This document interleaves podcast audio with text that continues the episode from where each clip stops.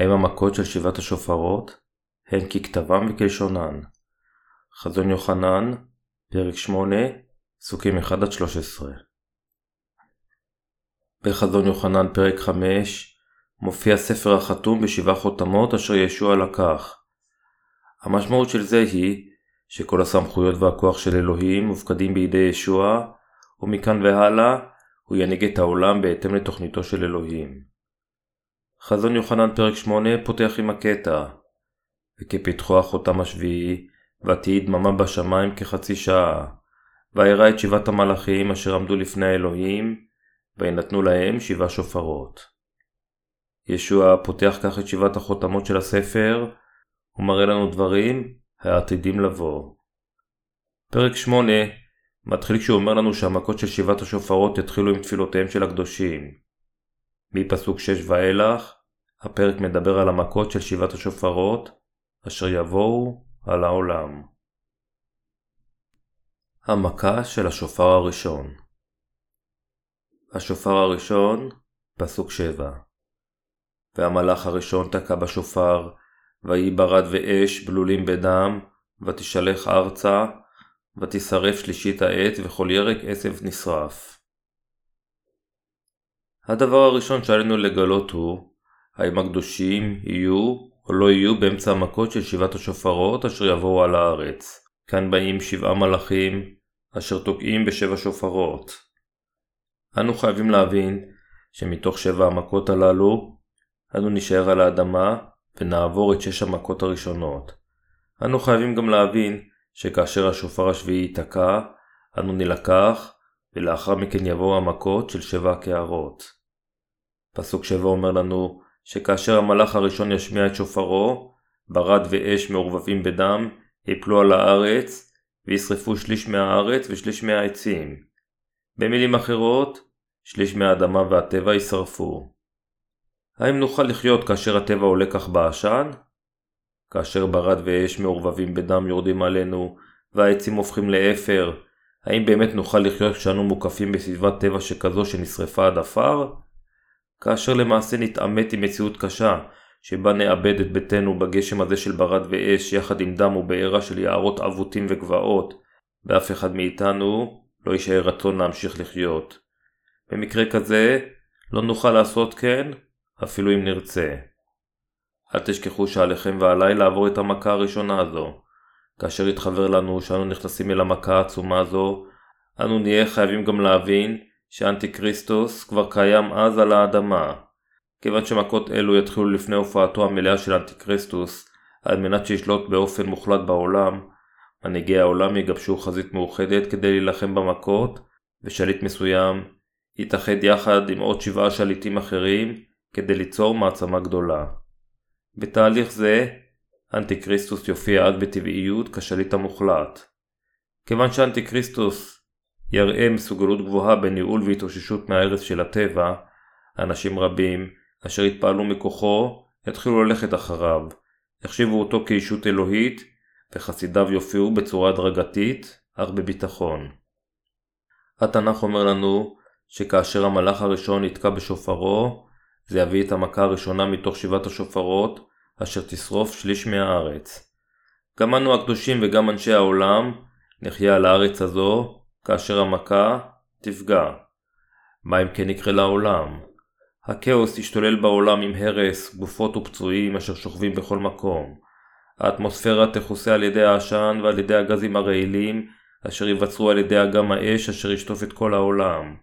האוויר יהיה חסר חמצן בגלל המדבר הגלובלי אשר ייווצר על ידי האש אשר יפחית באופן דרסטי את היכולת של כוכב הלכת הזה להפיח חמצן.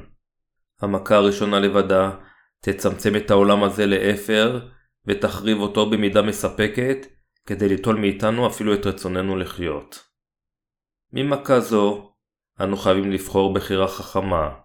שאנו חיים בעולם נורמלי כרגע, ייתכן שנפחד מהמכות והצרות אשר יבואו. נוכל להשתחרר מפחדים אלו ולהיות במקום זאת אמיצים, כיוון שכאשר שליש מטבע העולם יעלה בלהבות ואנשים יתאבלו בכל מקום, הרבה לפני כן, לאורך כל הדרך, נדע כבר שהמכה תגיע ושאפילו יגיעו מכות נוספות. כיוון שיש לנו תקווה נוכל להיות מלאים בה, אך כיוון שיש לנו גם את הבשר, אנו יכולים לפעמים להיות מוכי פחד. מכיוון שאנו יודעים את העתיד של העולם הזה, אנו תולים את תקוותנו לא בארץ הזו, אלא בממלכתו של אלוהים. עם אמונה כזו, ועם שכינתה של רוח הקודש, אנו יכולים להיות אמיצים וגאים. יבבות הבכי של אנשי העולם יהיו קולניות יותר מאי פעם, וגם אנו, ייתכן שנתאבל עם אחדים ממשפחתנו, יהיו בין אלה אשר לא קיבלו את מחילת חטאיהם. ייתכן שאפילו אחדים ממשפחתנו שלא נגאלו מחטאיהם, ימכרו אותנו לאנטי כריסטוס בשביל לקבל שיירי מזון. האחרים, מצד שני, יבואו לשאול אותנו כיצד הם יכולים לקבל את מחילת חטאיהם. זה יותר מאפשרי, כיוון שההזדמנות לגאולתם עדיין תהיה אפשרית אז. התנ"ך אומר לנו שכאשר יבואו המכות של שבעת השופרות, שליש מכל העולם ימות. המשמעות של זה היא גם ששני שליש מהעולם ישרוד. כאשר שליש מאוכלוסיית העולם תישרף למעשה למוות, עלינו להבין שזמן מות הקדושים שלנו וחזרתו של ישוע אינו רחוק. אלוהים אמר שהוא יוריד מהשמיים ברד ואש מעורבבים עם דם מהשמיים. כאשר אלוהים יוריד ברד ואש עלינו, אנו נהיה חסרי ישע מכדי להתחמק מהם. זה יהיה בלתי אפשרי אפילו עם התקדמות המדע, אשר ייפתח וישים מגן הגנה באטמוספירה, אשר יוכל לכסות את כל העולם מהאש והברד שישפכו. אפילו אם היינו יכולים להמציא מתקן שכזה, הוא לא יהיה מתאים לכוח של המכה אשר תבוא מאלוהים. אנו חייבים לקבל בלבנו את העובדה שמכות אלו אכן יבואו אלינו במציאות, ולחיות את חיינו כיום על ידי האמונה בלבנו בכל דבר האל אשר הובטח. לאחרונה שמעתי בחדשות שכדורי ברד בגודל של ראש אדם במידת קוטר של 45 סנטימטר ירדו בסין. בתאוצת הנפילה, הגוש קרח הזה, בגודל של ראש אדם, נפל בכוח עצום כשהוא חודר דרך הגגות והורס כל מה שבדרך. מה שיפול במכה הראשונה, כוחו יהיה חזק אף יותר. אנו חייבים להאמין בליבנו שהאש אשר תכלה שליש מהאדמה הזו, הרבה יותר הרסנית מכדורי הברד האלו שבסין. אנו חייבים להאמין בליבנו שהאש אשר תכלה שליש מהאדמה הזו, הרבה יותר הרסנית מכדורי הברד האלו שבסין. היא אכן תרד. אנו חייבים לשמור את האמונה הזו בליבנו. אנו חייבים לפעול על ידי האמונה הזו כאשר המכות למעשה יגיעו. אנו חייבים להאמין שעולם זה בקרוב ייהרס. ואנו חייבים לעמוד גם בנחישות בפני המכה עם כזו אמונה ולמות בנחישות על קידוש השם. כאשר שבעת השופרות ייתקעו, שבעת המכות יבואו למעשה אל העולם הזה. זוהי המכה הראשונה מבין המכות האלו. המכה של השופר השני, אשר תינתן על ידי אלוהים. השופר השני, פסוקים 8-9 והמלאך השני ייתקע בשופר, והנה כדמות הר גדול בוער באש, ושלח אל תוך הים, ותהי שלישית הים לדם. ותמות שלישית כל נפש אשר היה בים, ושלישית האוניות נשחטה. עלינו לשים לב לעובדה שהקדושים יחיו ויתנסו גם במכה השנייה הזו. נאמר כאן שמשהו כמו הר גדול ייזרק לים, יהפוך שליש מהים לדם, ויהרוג שליש מיצוריו החיים. כאשר סוף הזמנים יגיע, הסדר של היקום יתמוטט, יחתור תחת הקונסטלציה של הכוכבים, יגרום להם להתנגש אחד עם השני ולהישבר לחלקים. ומתוך כך, הרבה מהמטאורים האלו יעופו במסלול התנגשות אל הארץ.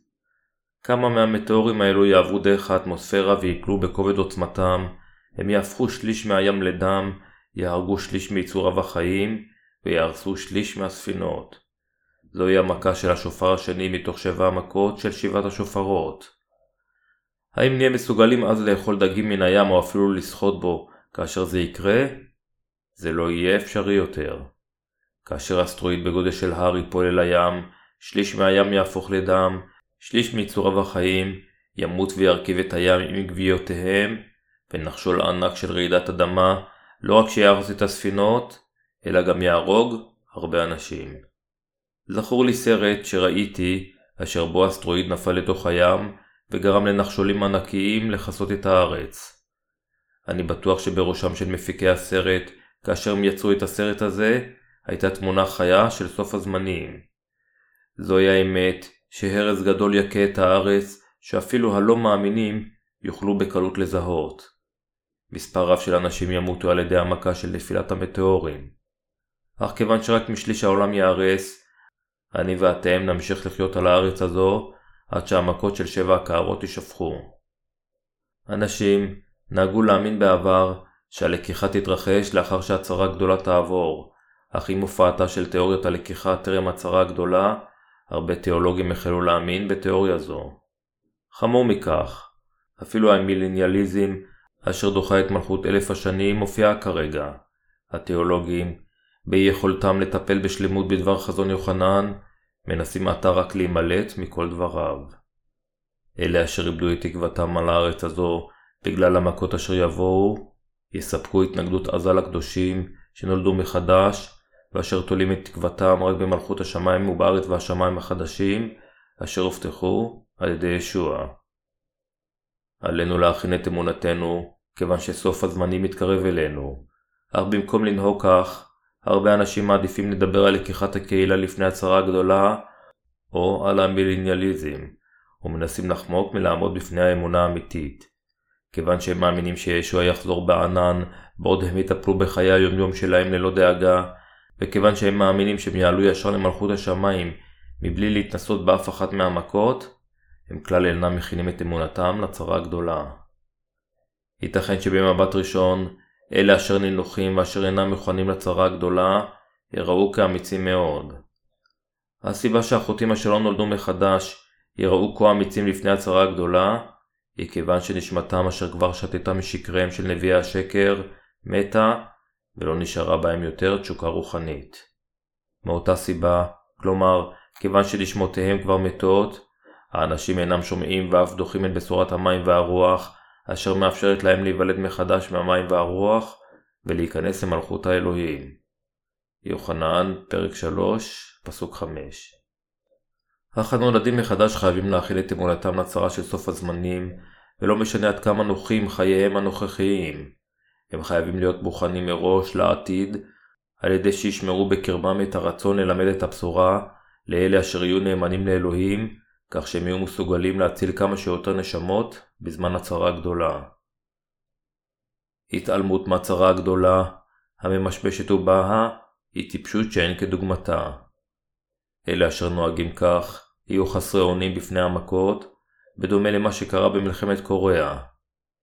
לפני שפרצה מלחמת קוריאה, ארצות הברית הבחינה בגיוס המסיבי של צבא צפון קוריאה, והזהירה את דרום קוריאה מפלישה אפשרית מפתיעה. אך ממשלת דרום קוריאה וצבאה התעלמו לגמרי מהאזהרה, עד שאפילו שלחו חיילים לחופשה, ואפשרו לקצינים בקו החזית ליהנות מסוף שבוע ביום הפלישה. כיוון שהם לא התכוננו למלחמה, אפילו שהמודיעין על פלישתה של צפון קוריאה היה זמין להם, הם לא היו מסוגלים להדוף את התקפת צפון קוריאה, ונדחקו תוך זמן קצר כל הדרך למטה, אל הפינה הדרומית ביותר. בזמן שדרום קוריאה החזירה את החיילים מחופשתם, וניסתה לארגן את הצבא למלחמה, קו החזית שלה כבר נבקע, ולא נשארה לה ברירה, אלא לסגת עם אבדות גדולות. סוג כזה של אסון התרחש עלינו, אם לא נאמין בדבר שאלוהים אמר לנו על סוף הזמנים. אך אם נאמין בזה בכנות, נוכל להימלט מסוג כזה של אסון. חזון יוחנן מדבר על המחסה בזמן הצרה הגדולה, אך הוא אינו אומר לנו על מיקומו המדויק. אף על פי כן, הוא אומר לנו שהקדושים ימצאו מקלט נוח במחסה. מחסה זה אינו מסמל שום דבר אחר מלבד הכנסייה. אני יכול אדם למצוא מחסה בעולם הזה? יש אנשים אשר אומרים שהם ישרדו אם ימלטו לישראל, אך בישראל הם ייתקלו בצרות חמורות אף יותר. עליכם להבין שמכיוון שהאנטי-כריסטוס בעצמו יהיה במפקדתו אשר בישראל, המכות יהיו אף יותר חזקות שם.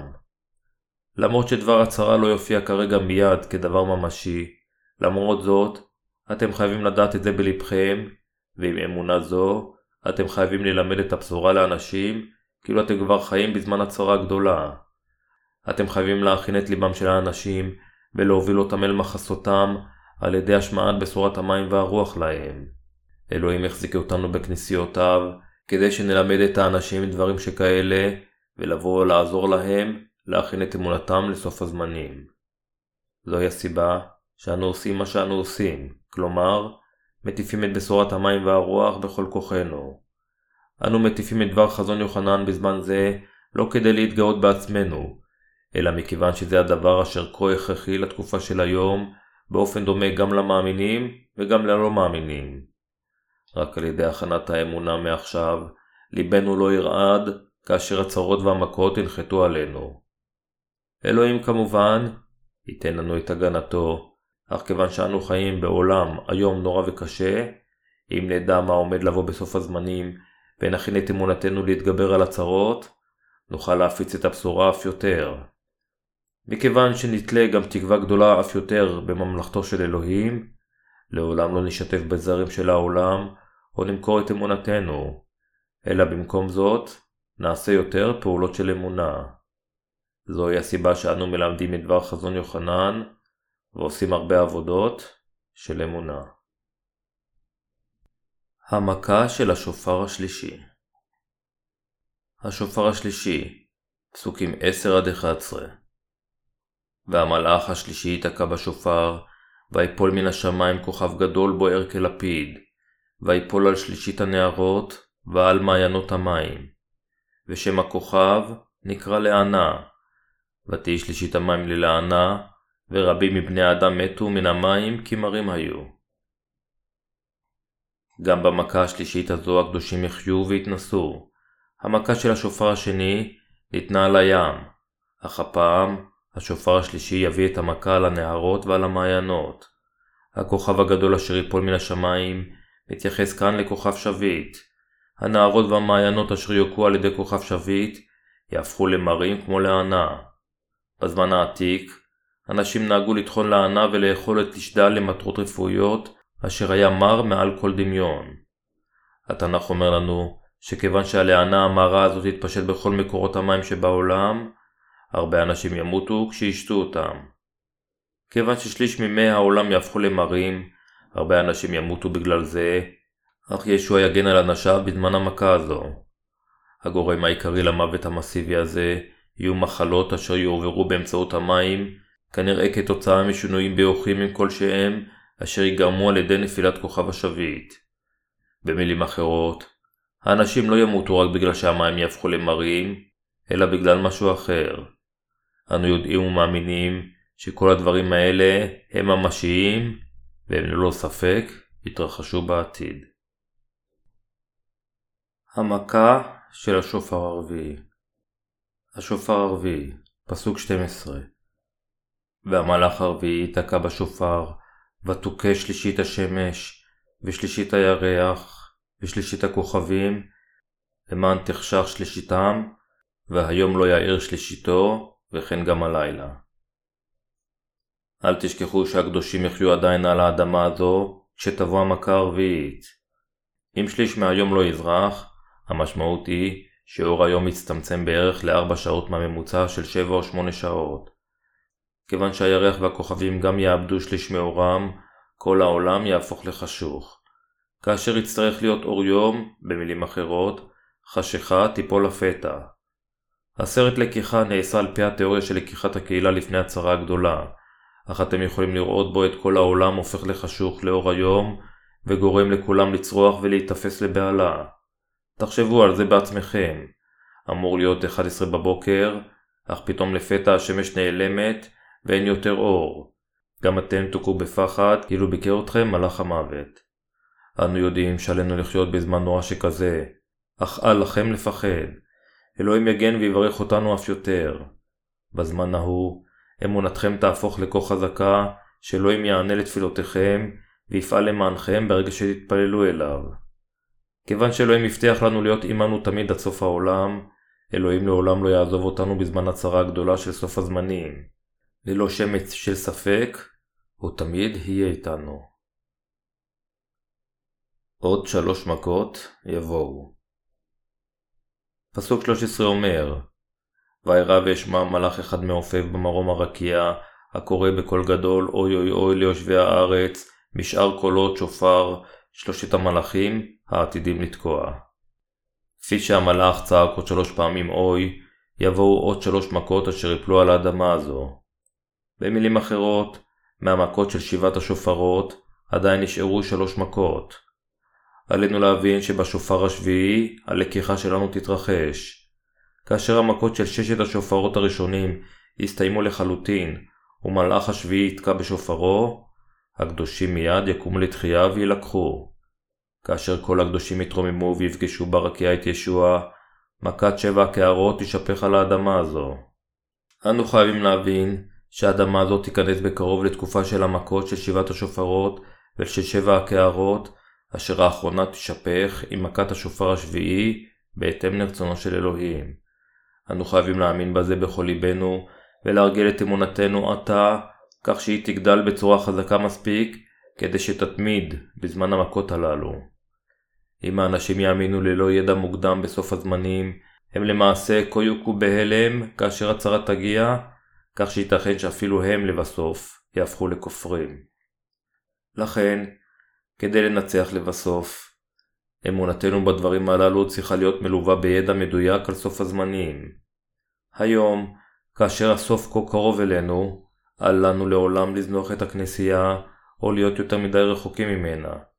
ליבנו חייב להתאחד עם הכנסייה, ולא משנה מה יקרה. אנו כולנו חייבים להאמין בדבר האל המושמע לנו באמצעות הכנסייה, לתמוך אחד בשני ולחיות באמונה. כאשר המכות הללו יבואו, ייתכן שאחדים מאלה שלא נושעו, אפילו ממשפחתכם ממש, קרוביכם או חברכם, יבואו אחריכם. אפילו בזמנים רגילים, כאשר אנו נשאלים מי הם קרובינו, אחינו והורינו, אדוננו אומר לנו שרק אלה אשר הולכים אחר רצון האב הם משפחתנו, הורינו, שותפינו ואחינו. כאשר עולם הצרה יגיע, הנולדים מחדש יבינו אף יותר בוודאות מי הם באמת אחייהם, אחיותיהם ומשפחותיהם.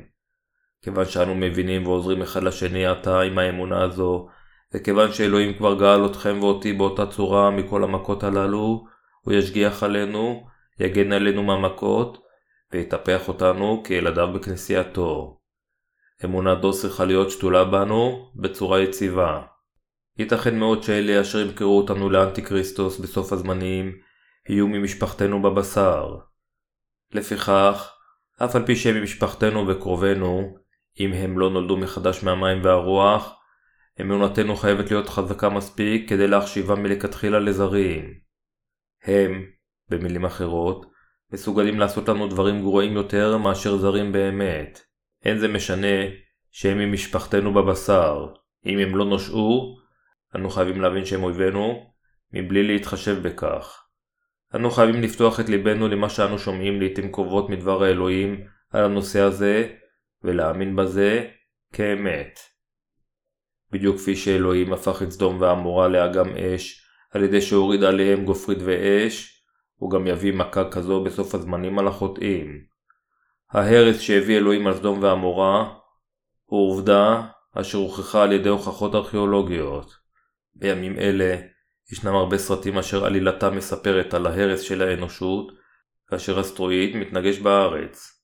סרטים אלה נעשו בהתבססות על דבר התנ"ך, אשר רשם את המכות של הימים האחרונים, אשר יפלו על האדמה הזו. למעשה, ההסתברות שמטאורים יפלו על האדמה הזו היא מאוד גבוהה, והופכת את זה ליותר מאפשרי שמכות אלה ילבשו צורה גשמית במציאות של העולם הזה. דוגמה טובה היא הוכחה עתיקה מהמאובנים של הדינוזאורים, אשר מראים לנו שהארץ עברה איזשהו שינוי אדיר בתקופה הקדומה. צורות חיים שנכחדו מספרות לנו על קיומם הקודם באמצעות המאובנים. יש מדענים אשר מעריכים שההשמדה הזו של צורות החיים העתיקות, כולל דינוזאורים, מוסברת על ידי התנגשות קטסטרופלית של כדור הארץ הזה עם אסטרואיד. לכן, מכת המטאורים אשר כתובה בחזון יוחנן 8 יותר מאפשרי שתתרחש בעולם הזה. אין זה עתיד כה רחוק. אנו חייבים להבין שמכות שכאלה יבואו על האדמה הזו לא בעתיד כה רחוק. אחדים מהמדענים התחילו כבר לשבת בני אדם ומאתגרים בצורה נוראה את אלוהים. לפיכך, כל המכות האלו כבר מוכנות להינתן על ידי אלוהים בתקופה זו. אל לבני האדם לשכוח את אלוהים כשהם מסתמכים על כוחו של המדע. בני האדם מנסים עתה לתת תשובה לכל מגפות העולם על ידי כוחות הידע של המדע. אך שום פריצת דרך מדעית אינה יכולה אי פעם למנוע את מכותיו של אלוהים, כיוון שהן גרועות יותר מכל אסון אחר, אשר בני האדם התנסו בו לפני כן. כאשר אנו מסתכלים על התקדמות המדע של מעשה ידי האדם, אנו רואים שבני האדם מאתגרים את סמכותו של אלוהים, רוצים להיות כמותו. אך לא משנה עד היכן ההתקדמות המדעית הזאת תגיע, אף אחד לא יוכל לעצור את המכות אשר יינתנו על ידי אלוהים. את כל המכות האלו ביקשו, מאם לא בני האדם בעצמם. הדרך היחידה לברוח מהמכות אשר יינתנו על ידי אלוהים, זה לגלות את האמת של הישועה באמצעות בשורת המים והרוח, ולקחת מחסה בזרועותיו של ישוע על ידי האמונה בכך. הימלטו מהמכות הללו על ידי ההבנה והאמונה שהדרך היחידה להתחמק מהדין הנורא של אלוהים היא אמונתכם בבשורת המים והרוח. כל הברכות והקללות מוחזקות בידיו של אלוהים. אם אלוהים יחליט לשמור על הארץ הזו, הארץ תמשיך לחיות. אם לא, היא תוכל רק להיהרס. כשחיים בתקופה שכזו, אם תאמינו ותלכו אחר דבר האלוהים באופן טהור יותר, ותפחדו ממנו יותר, אלוהים יוביל אתכם לבשורת המים והרוח, אשר תוכל לתת לכם מחסה מהמכות הנוראיות האלה, אשר עתידות לבוא. אפילו עתה, הרבה אנשים ברחבי העולם מתים ורועדים מפחד מרעידות אדמה, טייפונים ומחלות. יתר על כן, אין סוף למלחמה בכל מקום, עם אומות אשר עומדות נגד אומות אחרות, ומדינות נגד מדינות. כאשר אנטיקריסטוס יופיע בעתיד הקרוב, ויפתור את הבעיות הדחופות כמו המצב הכאוטי, הרבה אנשים ילכו אחריו. זה ילווה בנחיתת מכות נוראיות ביותר על האדמה, ולבסוף, עולם זה יושמד לחלוטין על ידי המכות הללו, אשר יינתנו על ידי אלוהים. אלוהים ייצור שמיים וארץ חדשים, ויעניק אותם לאלה אשר נגלו מחטאיהם. התכלית בבריאת שמיים וארץ חדשים על ידי אלוהים, היא להעניק אותם לאלה אשר נולדו מחדש, על ידי האמונה בבשורת המים והרוח. עד מהרה, אלוהים יהרוס את העולם הראשון, ויפתח את העולם השני. בדיוק כפי שהדינוזאורים העתיקים נעלמו, כך גם עולם זה של הציליביזציה של המדע המודרני ייעלם, ואנחנו נהיה עדים בעינינו בתחילתו של העולם החדש, אשר ניתן על ידי אלוהים. אנו חייבים אם כן לחשוב כיצד עלינו לחיות עתה. אנו חייבים להאמין בכל המכות אשר עתידות לבוא, כפי שהן כתובות בקטע הנוכחי, ולחיות את שארית חיינו למען צדקת האלוהים, כשאנו מתכוננים לעולם הבא באמונה. אנו חייבים להיות בעלי ידע על הנבואה שבדבר חזון יוחנן. אני אומר את זה עתה, כיוון שכאשר יגיע היום, כל הידע שצברתם כך, יתברר כמאוד מועיל לאמונתכם. כל העצמים בחלל, אשר יש להם פוטנציאל להתנגש עם הארץ, מהאסטרואידים אשר מפוזרים בין מאדים ליופיטר, ועד לאין ספור כוכבי לכת עם מסלול בלתי ידוע, נקראים באופן קולקטיבי Near Earth Object NEOS. נאס"א חשפה פעם, רק במערכת השמש לבדה, רשימה של 893 NEOS מזוהים שידועים. אם אחד מה-NEOS האלה יתנגש עם הארץ, הארץ שיגרם כתוצאה מהתנגשות הזו יעלה על כל דמיון. השפעת ההרס תהיה קרוב לוודאי גדולה יותר מאשר אלפי פצצות אטומיות יחד. דמיינו מה יקרה אז לעולם הזה כשיערות העולם, מימיו ואוניותיו ייהרסו. לכן, כל בני אדם חייבים להאמין בבשורת המים והרוח ולחיות את חייהם כשמתכוננים לחיי הנצח. ישוע אמר לנו שכאשר מכות הטבע יבואו אל האדמה הזו, שליש מהשמש, הירח והכוכבים יאבדו את אורם. אך רק מעט אנשים יודעים זאת, ואפילו מעט יותר מאמינים בכך. כך, רק מספר קטן של אנשים מאמינים בבשורת המים והרוח, ומטיפים את אמיתותה. השכל שלנו צריך להיות ער לכך. מכות אלה יבואו. אנו חייבים לגלות עם איזה סוג של אמונה והחלטה עלינו לחיות את שארית חיינו. אתם ואני חייבים להבין שהתקופה של היום היא רק צעד קטן מהצרה הגדולה, ואנו חייבים לחיות את שארית חיינו באמונה, ללא כל שהם עקבות של ספק בלבנו. אם לא נחיה עתה על ידי האמונה בדבר הנבואה על הצרה, ליבנו יתרוקן, מטרותינו תאבד, ואנו נופרע על ידי דאגות החיים. אסור שזה יתרחש. יחד עם זאת, אל לנו לתלות את תקוותנו בעולם הזה, כאילו לא נעזוב את העולם הזה מאחורינו. הרבה אנשים אשר יש להם קצת ידע במדע, יודעים היטב שאין תקווה לעולם הזה. אלוהים ללא ספק, יאפשר לעולם זה להיהרס. אלוהים ייצור ממלכה חדשה של ישוע, ויאפשר לצדיקים לחיות בה. הוא יאפשר לאלה אשר מאמינים בבשורת המים והרוח, לחיות בה לעד.